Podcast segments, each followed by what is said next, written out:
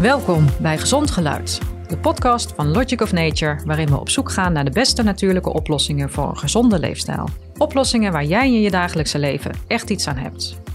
Want wij geloven dat optimale gezondheid bereikbaar moet zijn voor iedereen. Mijn naam is Ilse van Bladel. In deze aflevering gaan we het hebben over vezels. Vezels zijn gezond en goed voor je spijsvertering. En dat niet alleen. Want als je de juiste vezels binnenkrijgt, verbetert je stemming en heb je minder kans op angst en depressie. Als wij mensen leren om meer vezels te eten, de juiste vezels. Ja, wat zeggen de mensen na, na slechts een aantal weken? Ik voel me zoveel beter. Mijn opgeblazen gevoel is weg. Uh, ik sla beter. Uh, ik voel me mentaal helderder. Maar hoe zorg je dat je de juiste vezels binnenkrijgt?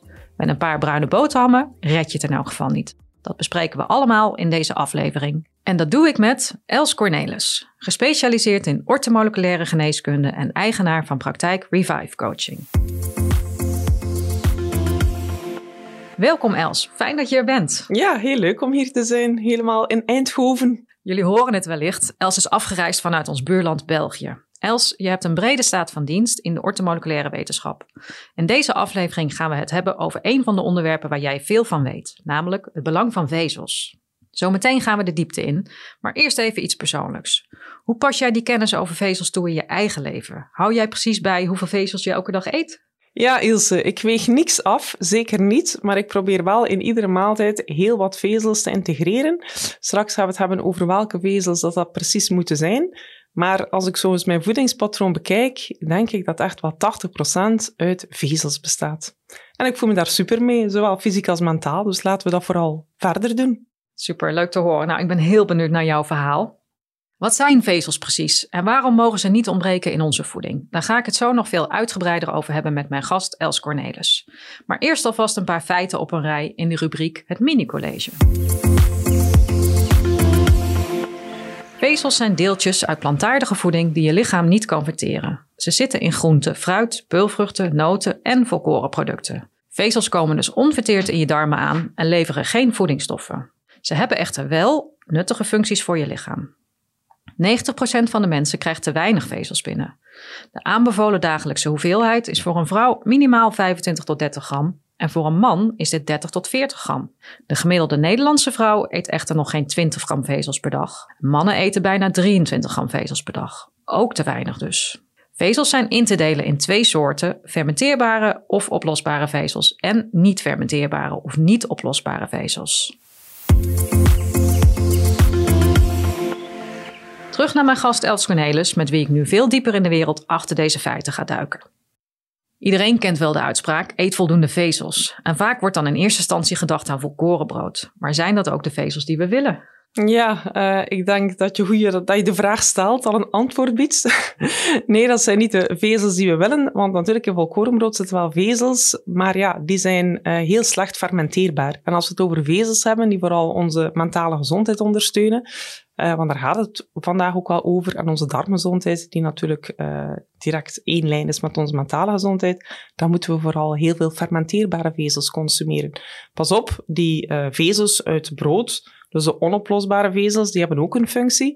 Maar het beste is om ze beide te combineren, uh, maar dus echt wel de nadruk te leggen op die fermenteerbare vezels. En Els, kun je ons nog iets specifieker het verschil uitleggen? Wat zijn precies fermenteerbare vezels en wat zijn precies niet fermenteerbare vezels? Uh, ja, dus die fermenteerbare vezels uh, waar we het over hebben, dat zijn eigenlijk vezels. Dus vezels zijn ook een soort koolhydraatketens, suikerketens.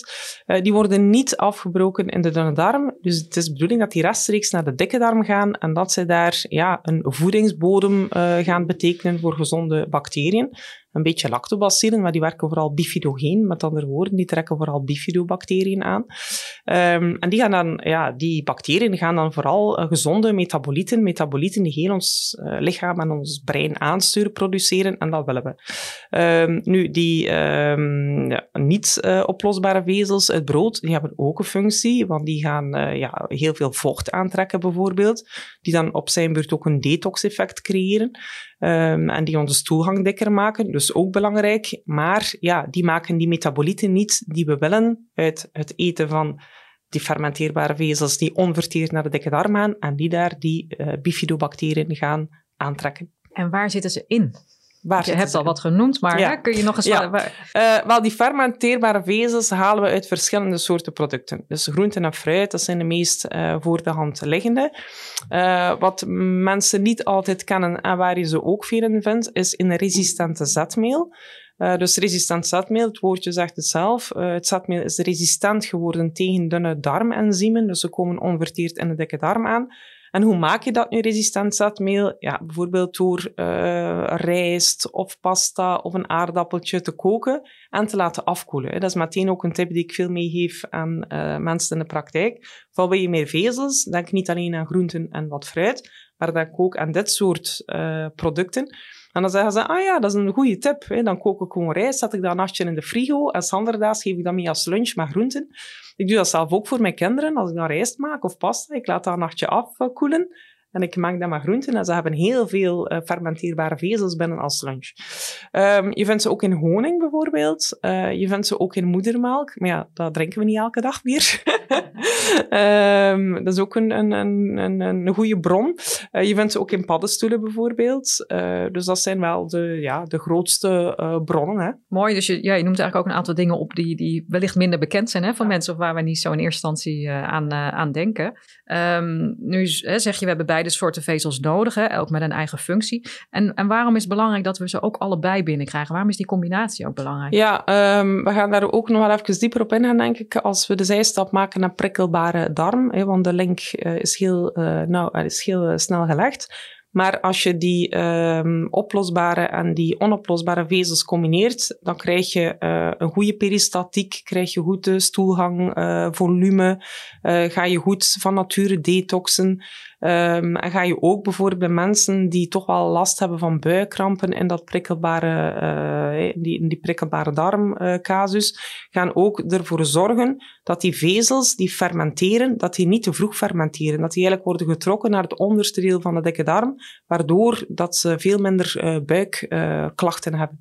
Dus dat is ook wel een mooie voor mensen die aan, met, met buikklachten kampen om beide te combineren. Maar we gaan daar nog specifieker op in. Ja, dank je. Um, nou, je noemde net al hè, de prikkelbare darm, uh, een aandoening die bij veel mensen voorkomt. Bij vrouwen is dat wel 15 tot 25 procent en bij mannen gemiddeld 5 tot 20 procent. Welke klachten zie jij nog meer in jouw praktijk? Ja, uh, welke klachten? Maar dat zijn klachten die ik ook altijd vaak, heel vaak link aan dysbioses in die darm. heel veel slaapproblemen, heel veel mentale issues.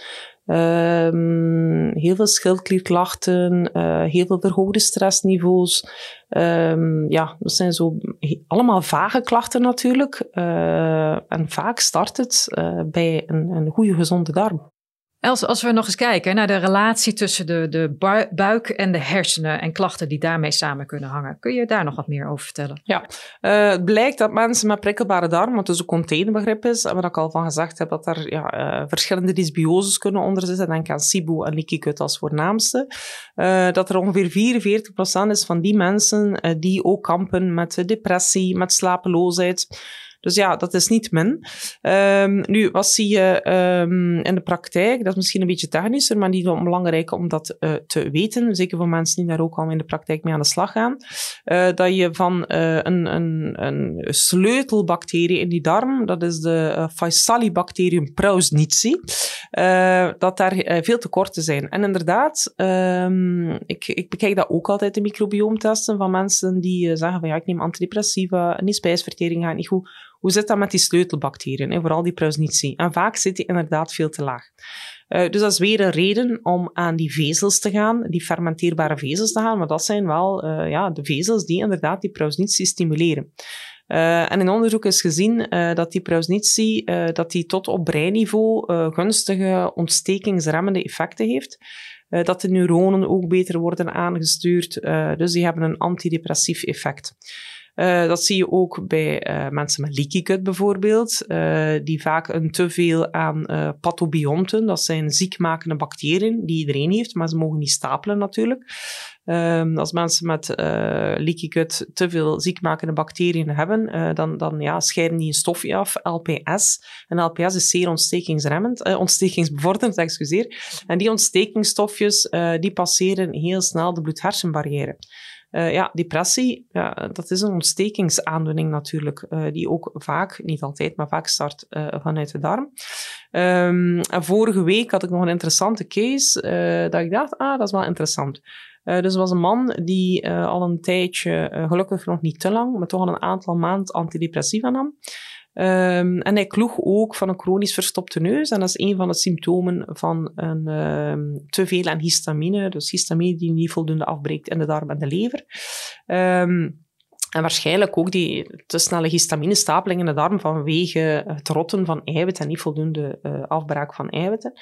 Um, dus ik heb daar ook een microbioomtest mee gedaan en die zag er nog vrij normaal uit, maar uh, die had heel veel um, ja, tryptamine etende bacteriën. En dan ga je inderdaad bio, biogene amines zoals serotonine en histamine gaan stapelen in die darm. Uh, maar als je natuurlijk te veel histamines uh, en serotonines, uh, die ook die prikkelbare darmklachten geven, stapelt in die darm, dan ga je te weinig serotonine in dat brein aanmaken, want die, die switch is verstoord. dus heb ik hem ook gezegd van, ja, die antidepressiva afbouwen zal maar lukken als die spijsvertering normaal gereguleerd is, als je die histamines normaal afbreekt um, et cetera. Maar Prausnitzi had hij nu wel genoeg, maar het ging bij hem vooral over de histamines. En dat toont nog maar eens aan uh, dat mensen met prikkelbare darm, dat er heel veel verschillende dingen onder kunnen zitten, van histaminestapeling tot SIBO, tot leaky gut.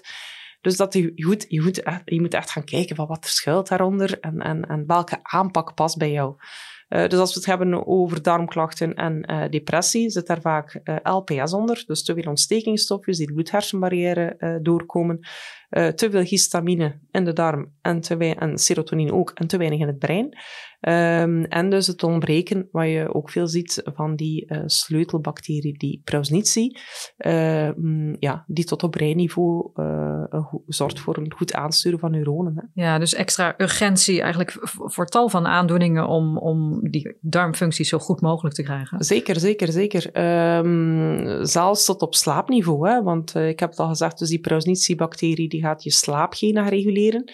Uh, die zorgt er ook voor dat je beter in uh, je diepe slaap komt, doordat het je, uh, je, regula temperatuur reguleert, zodat je temperatuur lager wordt. want als je temperatuur lager wordt, raak je beter in je diepe slaap. dus het klinkt allemaal een beetje science fiction, maar als je er studies op naleest, dan begin je pas te beseffen ja, hoe belangrijk dat die vezels zijn. Hè? Uh, nu zou je zeggen, nou, neem dan hè, wat meer vezels hè, of wat probiotica. Hè, dat is dan vaak de eerste aangewezen, uh, het aangewezen product waar mensen naar kijken. En toch is dat niet altijd direct een oplossing. Hè? Waar, wat kan er gebeuren als we dat zomaar doen? Nee, um, ik moet zeggen, probiotica, als ik zelf kijk naar wat ik inzet in de praktijk, is dat vaak iets dat ik misschien wel inzet, maar pas in een heel laat stadium.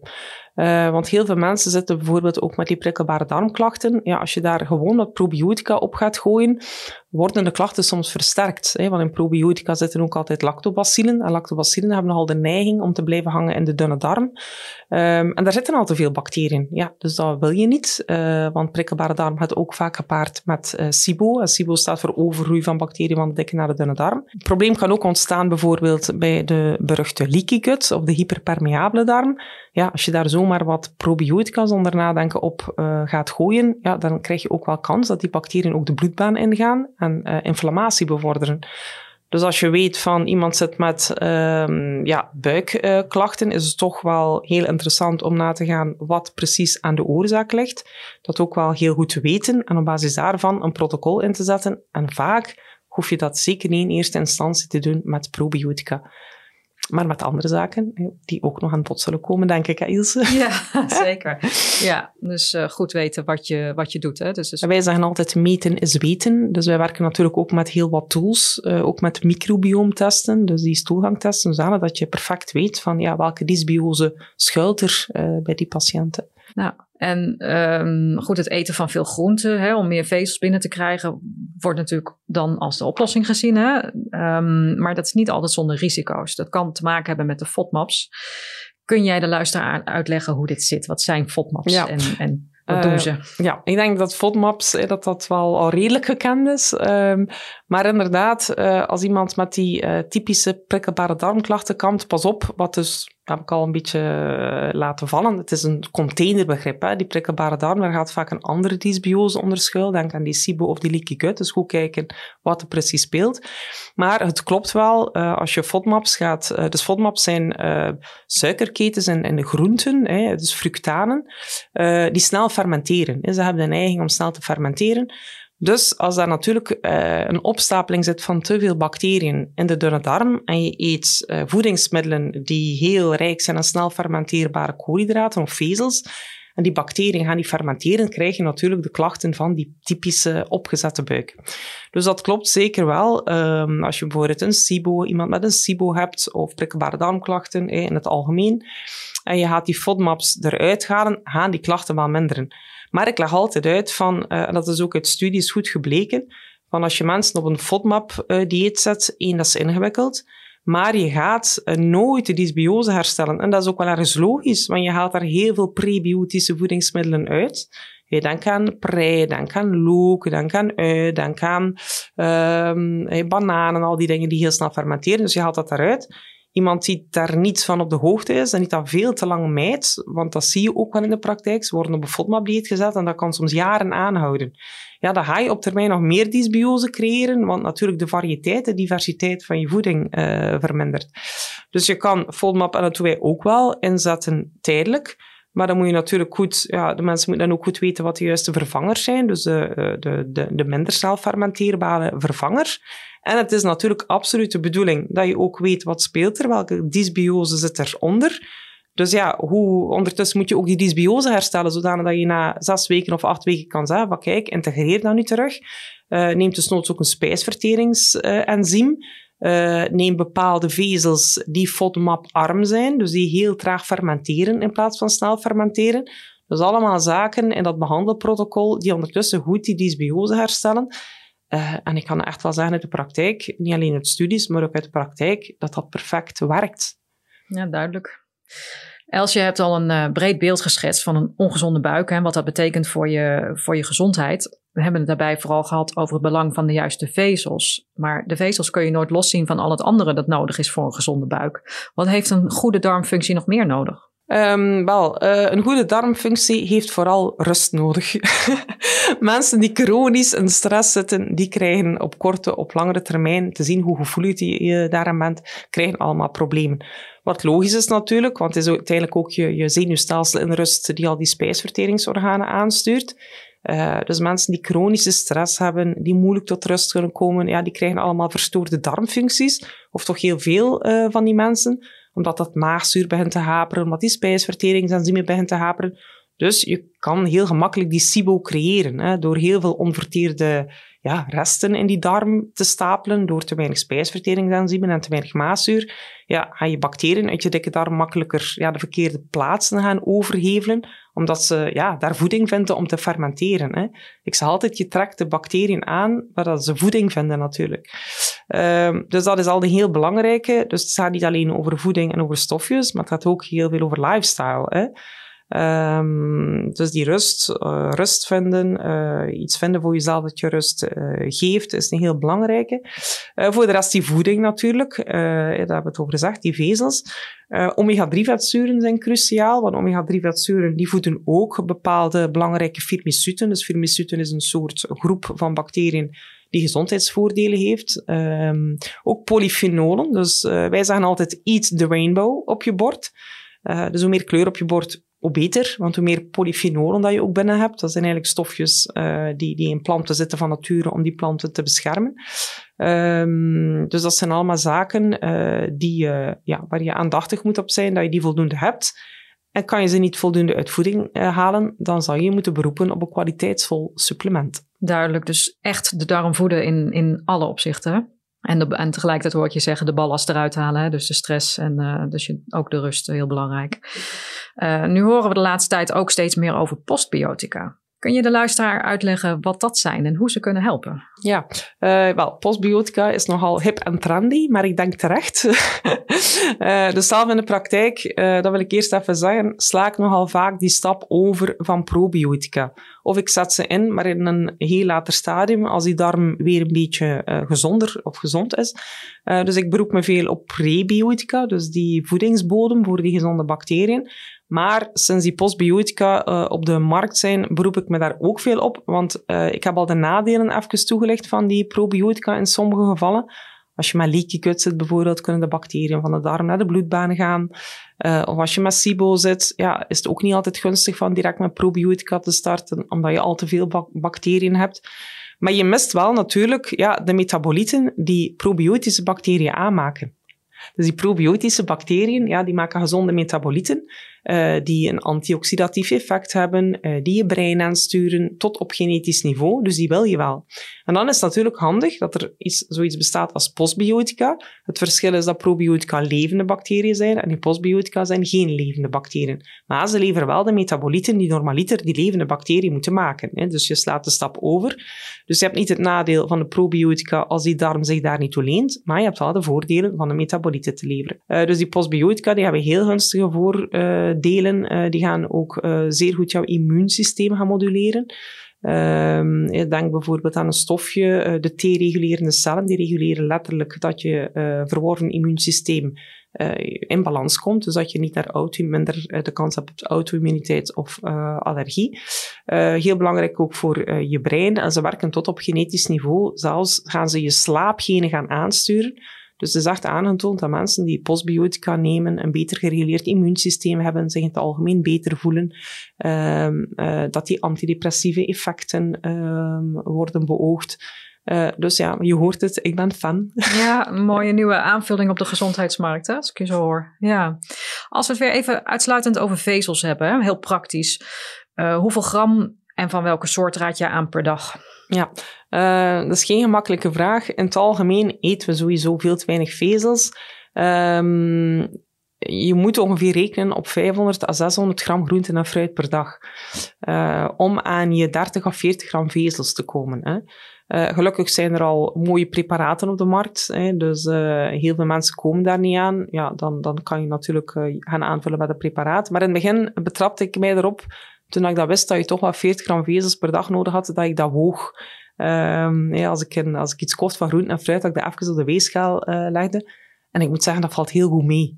Uh, het is niet dat je daar een overdosis aan groente en fruit nodig hebt. Pas op, je moet er wel even mee bezig zijn. He, het is daarom, nu ik ben vanmorgen naar Eindhoven vertrokken, uh, ontbijten doe ik meestal niet, want ik probeer ook een beetje aan vasten te doen. Maar als ik dan keek wat ik allemaal mee had aan, aan ja, aan producten om, uh, als ik honger kreeg, om toch iets te hebben. Het zijn allemaal vezels. Uh, noten bevat, bevatten vezels, worden ook vaak vergeten in een gezond voedingspatroon. Ik had zwarte chocolade mee, polyfenolen. Ja. uh, ik had uh, groene banaan mee, resistent zetmeel. Hè. Um, dus dat is ook nog wel handig om te weten dat een groene banaan veel beter prebiotisch werkt dan een rijpe banaan. Dus ik probeer altijd groene bananen te eten. Ik zeg niet dat dat zo lekker is, maar ik doe het wel. Ja. Alles voor de ehm, gezondheid. Ja, en dan had ik als lunch, die ik misschien uh, terug op de trein deze namiddag ga opeten. Ja, wat had ik? Zoete aardappel, gemengd met groenten, ook nog eens wat zaden en pitten over. Ja, dat zijn allemaal vezels. En als ik dat weeg, ik zal misschien niet aan die 500, 600 gram groente komen. Uh, maar ja, goed, ik ben onderweg. Maar ik vul wel aan met een uh, uh, voorgefermenteerd een product waarin er 38 soorten groenten en fruit zijn al voorgefermenteerd. En zo kom je zeker wel aan die dosis. Ja. Ja, heb je nog meer tips voor, voor de luisteraar? Hè? Ja, ik heb veel tips. Um, wat kan je nog doen? Um, maar ik zelf ben bijvoorbeeld geabonneerd op een wekelijkse groente- en fruitabonnement van de lokale bioboer. Dat heb je tegenwoordig overal dat biedt ook het voordeel dat je eh, dingen neemt die je anders niet vindt in de winkels of niet kent. Je seizoensgebonden, je biologisch. Je gaat, eh, dat, dat geeft je inspiratie om anders met groenten en fruit om te gaan. Hè. Uh, dus dat is een tip. Niet voor iedereen haalbaar, maar het is wel leuk om te doen. Uh, scheutjes integreren bijvoorbeeld. Mensen denken bij vezels nog aan, nogal schouw aan tomaten met sla. Maar dan denk ik altijd van, hm, wees eens een beetje creatiever. en je hebt ook heel veel scheutjes, hè? zo luzernescheutjes, prijsscheutjes, dat zijn microgroenten. Ja, de kiemen. Uh, de kiemen, hè? dat zijn de babygroenten. Dus ja, dat zijn embryonale groenten bijna, waar heel veel uh, mineralen in zitten. Hè? Ik denk als je sla tomaten eet, ja, dat je eerlijk gezegd niet veel binnen hebt, vooral water. Um, dat zijn tips. Eet dagelijks een handje noten, pure noten, levert ook heel veel vezels. Um, ja, je kan het ook met, met, met sap doen. Hè. Ik koop bijvoorbeeld ook heel veel puur veenbessensap, om die polyfenolen hè, uh, beter binnen te hebben. Of granaatappelpitjes die je op, uh, op, op voeding doet. Uh, ja, ik kan nog wel even doorgaan als ik denk aan mijn eigen situatie. Maar het zijn allemaal tips die niet moeilijk zijn en waardoor je wel meer vezels binnenkrijgt. Maar je moet er wel voor openstaan, want als je natuurlijk onderweg bijvoorbeeld bent en je gaat vlug een, een, een broodje gaan halen, ja, dan kom je er niet. Hè? Dus je moet er wel even mee bezig zijn. Maar als je de, uh, allez, ons cliënteel ook, als wij mensen leren om meer vezels te eten, de juiste vezels, ja, wat zeggen de mensen na, na slechts een aantal weken? Ik voel me zoveel beter, mijn opgeblazen gevoel is weg, uh, ik slaap beter, uh, ik voel me mentaal helderder. En dat is pas na een paar weken, als je die mensen terugziet en ze hebben echt gedaan wat je hen uh, gevraagd hebt om te doen, ja, dan, dan scheelt het al heel wat. Dus het heeft zo'n enorme impact op jouw gezondheid. Ja, en werk je ook met gefermenteerde voeding? Uh, ja, ik werk met gefermenteerde voeding, uh, maar uh, je moet oppassen met mensen met prikkelbare darm. Um, daarmee, omdat mensen met prikkelbare darm vaak met histamineklachten zitten. Uh, en in, natuurlijk, ja, gefermenteerde voeding zit er veel histamine. Histamine is een stofje heel belangrijk natuurlijk voor, voor, voor iedereen en om, om je lichaam aan te sturen. Uh, maar het moet op tijd afgebroken worden. En wat gebeurt er vaak bij mensen met prikkelbare darm? Door bijvoorbeeld te weinig maagzuur. onder chronische stress, daar ben ik weer met mijn stress. Of te weinig spijsverteringsenzymen worden de eiwitten onvoldoende verteerd. En histamine, hè, je ziet dat ook in de voeding, vandaar dat dat veel in gefermenteerde voeding zit, ontstaat in de voeding door rijping, door rotting. Dus in je spijsverteringsstelsel is dat niet anders. Hè. Door uh, te, te, weinig verteren van eiwitten en doordat dat rot, hè, dat klinkt een beetje vies, maar dat gaat er zo aan toe, um, ja, krijg je natuurlijk uh, histaminereacties, hè, omdat dat, ja, die uh, biogene amines, histamine is een biogene amine, wordt vrijgezet. En histamineklachten, dat uiten in heel veel verschillende soorten uh, symptomen. Ik heb bijvoorbeeld heel wat mensen met een chronisch verstopte neus, die ook spijsverteringsklachten hebben en die bijvoorbeeld zeggen, ja, als ik zuurdezenbrood eet, want als we dan eens brood aanraden, is vooral zuurdezenbrood, dan krijg ik zo gebroebel in mijn buik. En dan zeg ik, wacht, het is histamine. want zuurdezenbrood is de, ja, de meest gezonde vorm van brood, maar je gluten zijn voorverteerd, uh, de, de antinutriënten zijn eruit. Het verteert op zich beter, maar als je histamine gevoelig wordt, ja, ook in uh, is een gerijpt proces, dat, daar komt histamine in voor, zou je daar inderdaad veel minder uh, goed tegen kunnen. Dus je vraag over gefermenteerde voeding. Uh, ik luister heel goed naar de klacht. Ik uh, heb mijn tools waarmee ik werk, van bloedtests, complementaire bloedtesten, complementaire microbiomtesten. En ik kijk goed wat er gebeurt, waarmee je mee zit. en op basis daarvan raad ik het aan of niet aan. op zich is het een beetje een contradictie, want gefermenteerde voeding levert gezonde lactobacillen. Maar het bevat ook histamine. Dus je moet kijken uh, ja, of je het, uh, of je het inzet, al dan niet inzet en wanneer. Uh, het kan zijn als die darm gereguleerd is en die leaky is hersteld en die SIBO is opgelost, dat die mensen gerust wel gefermenteerde voeding kunnen nemen. Uh, maar toch wel heel veel mensen zijn gevoelig zonder het te, te weten. Um, ik ben zelf een beetje histamine-intolerant, dus dat is wel een beetje mijn stokpaardje, de histamine. Uh, maar als ik dan gefermenteerde voeding inzet, dan gaat het vooral over kefir, over kombucha en ook over gefermenteerd granaatappelsap. dat levert heel veel polyfenolen. Uh, heel goed voor cardiovasculaire uh, problemen. Heel goed omdat dat ook prebiotica is voor de darm.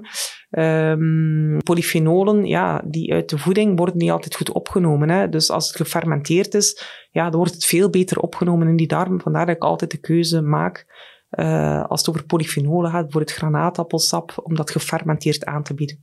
Dus gefermenteerde voeding, uh, ja, uh, maar goed kijken of er geen histamine speelt. Hè. Ja, en hoe je het inzet. Ja. Misschien ook klein beginnen als, als het al Inderdaad. past. Ja. We zijn alweer bijna aan het einde van deze aflevering gekomen. Els, je bent een bevlogen mens met een duidelijke passie en een verhaal dat je wilt vertellen. Is er tot slot nog één laatste boodschap die je wil meegeven aan je luisteraar?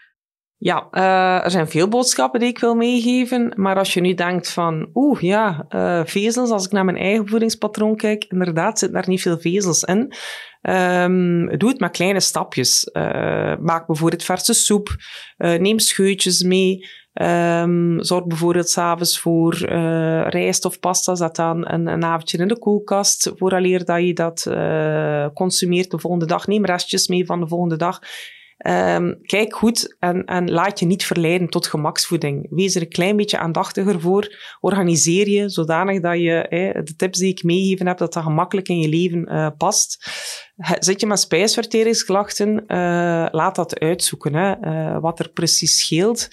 Want ja, de kwaliteit van leven verhoogt met 300% als je van spijsverteringsklachten af bent. Omdat het de rest van je gezondheid meetrekt natuurlijk. Hè. Ja, dankjewel, duidelijk. Kun je ook wel wat extra vezels gebruiken, dan kun je ook kiezen voor een dagelijkse aanvulling met het goed verdraagbare vezelcomplex 7M Daily Fiber. Meer informatie vind je in de show notes. Els, dank voor je komst. Els Cornelis, ortomoleculair therapeut van Revive Coaching. Dit was Gezond Geluid. Mijn naam is Ilse van Bladel. Dank voor het luisteren. Wil je nalezen wat we besproken hebben in deze aflevering? Kijk dan in de show notes van deze aflevering voor de linkjes. Daar vind je ook informatie en een leuke aanbieding van Els. Wil je geen aflevering missen? Vergeet niet je te abonneren op deze podcast. Graag tot de volgende keer.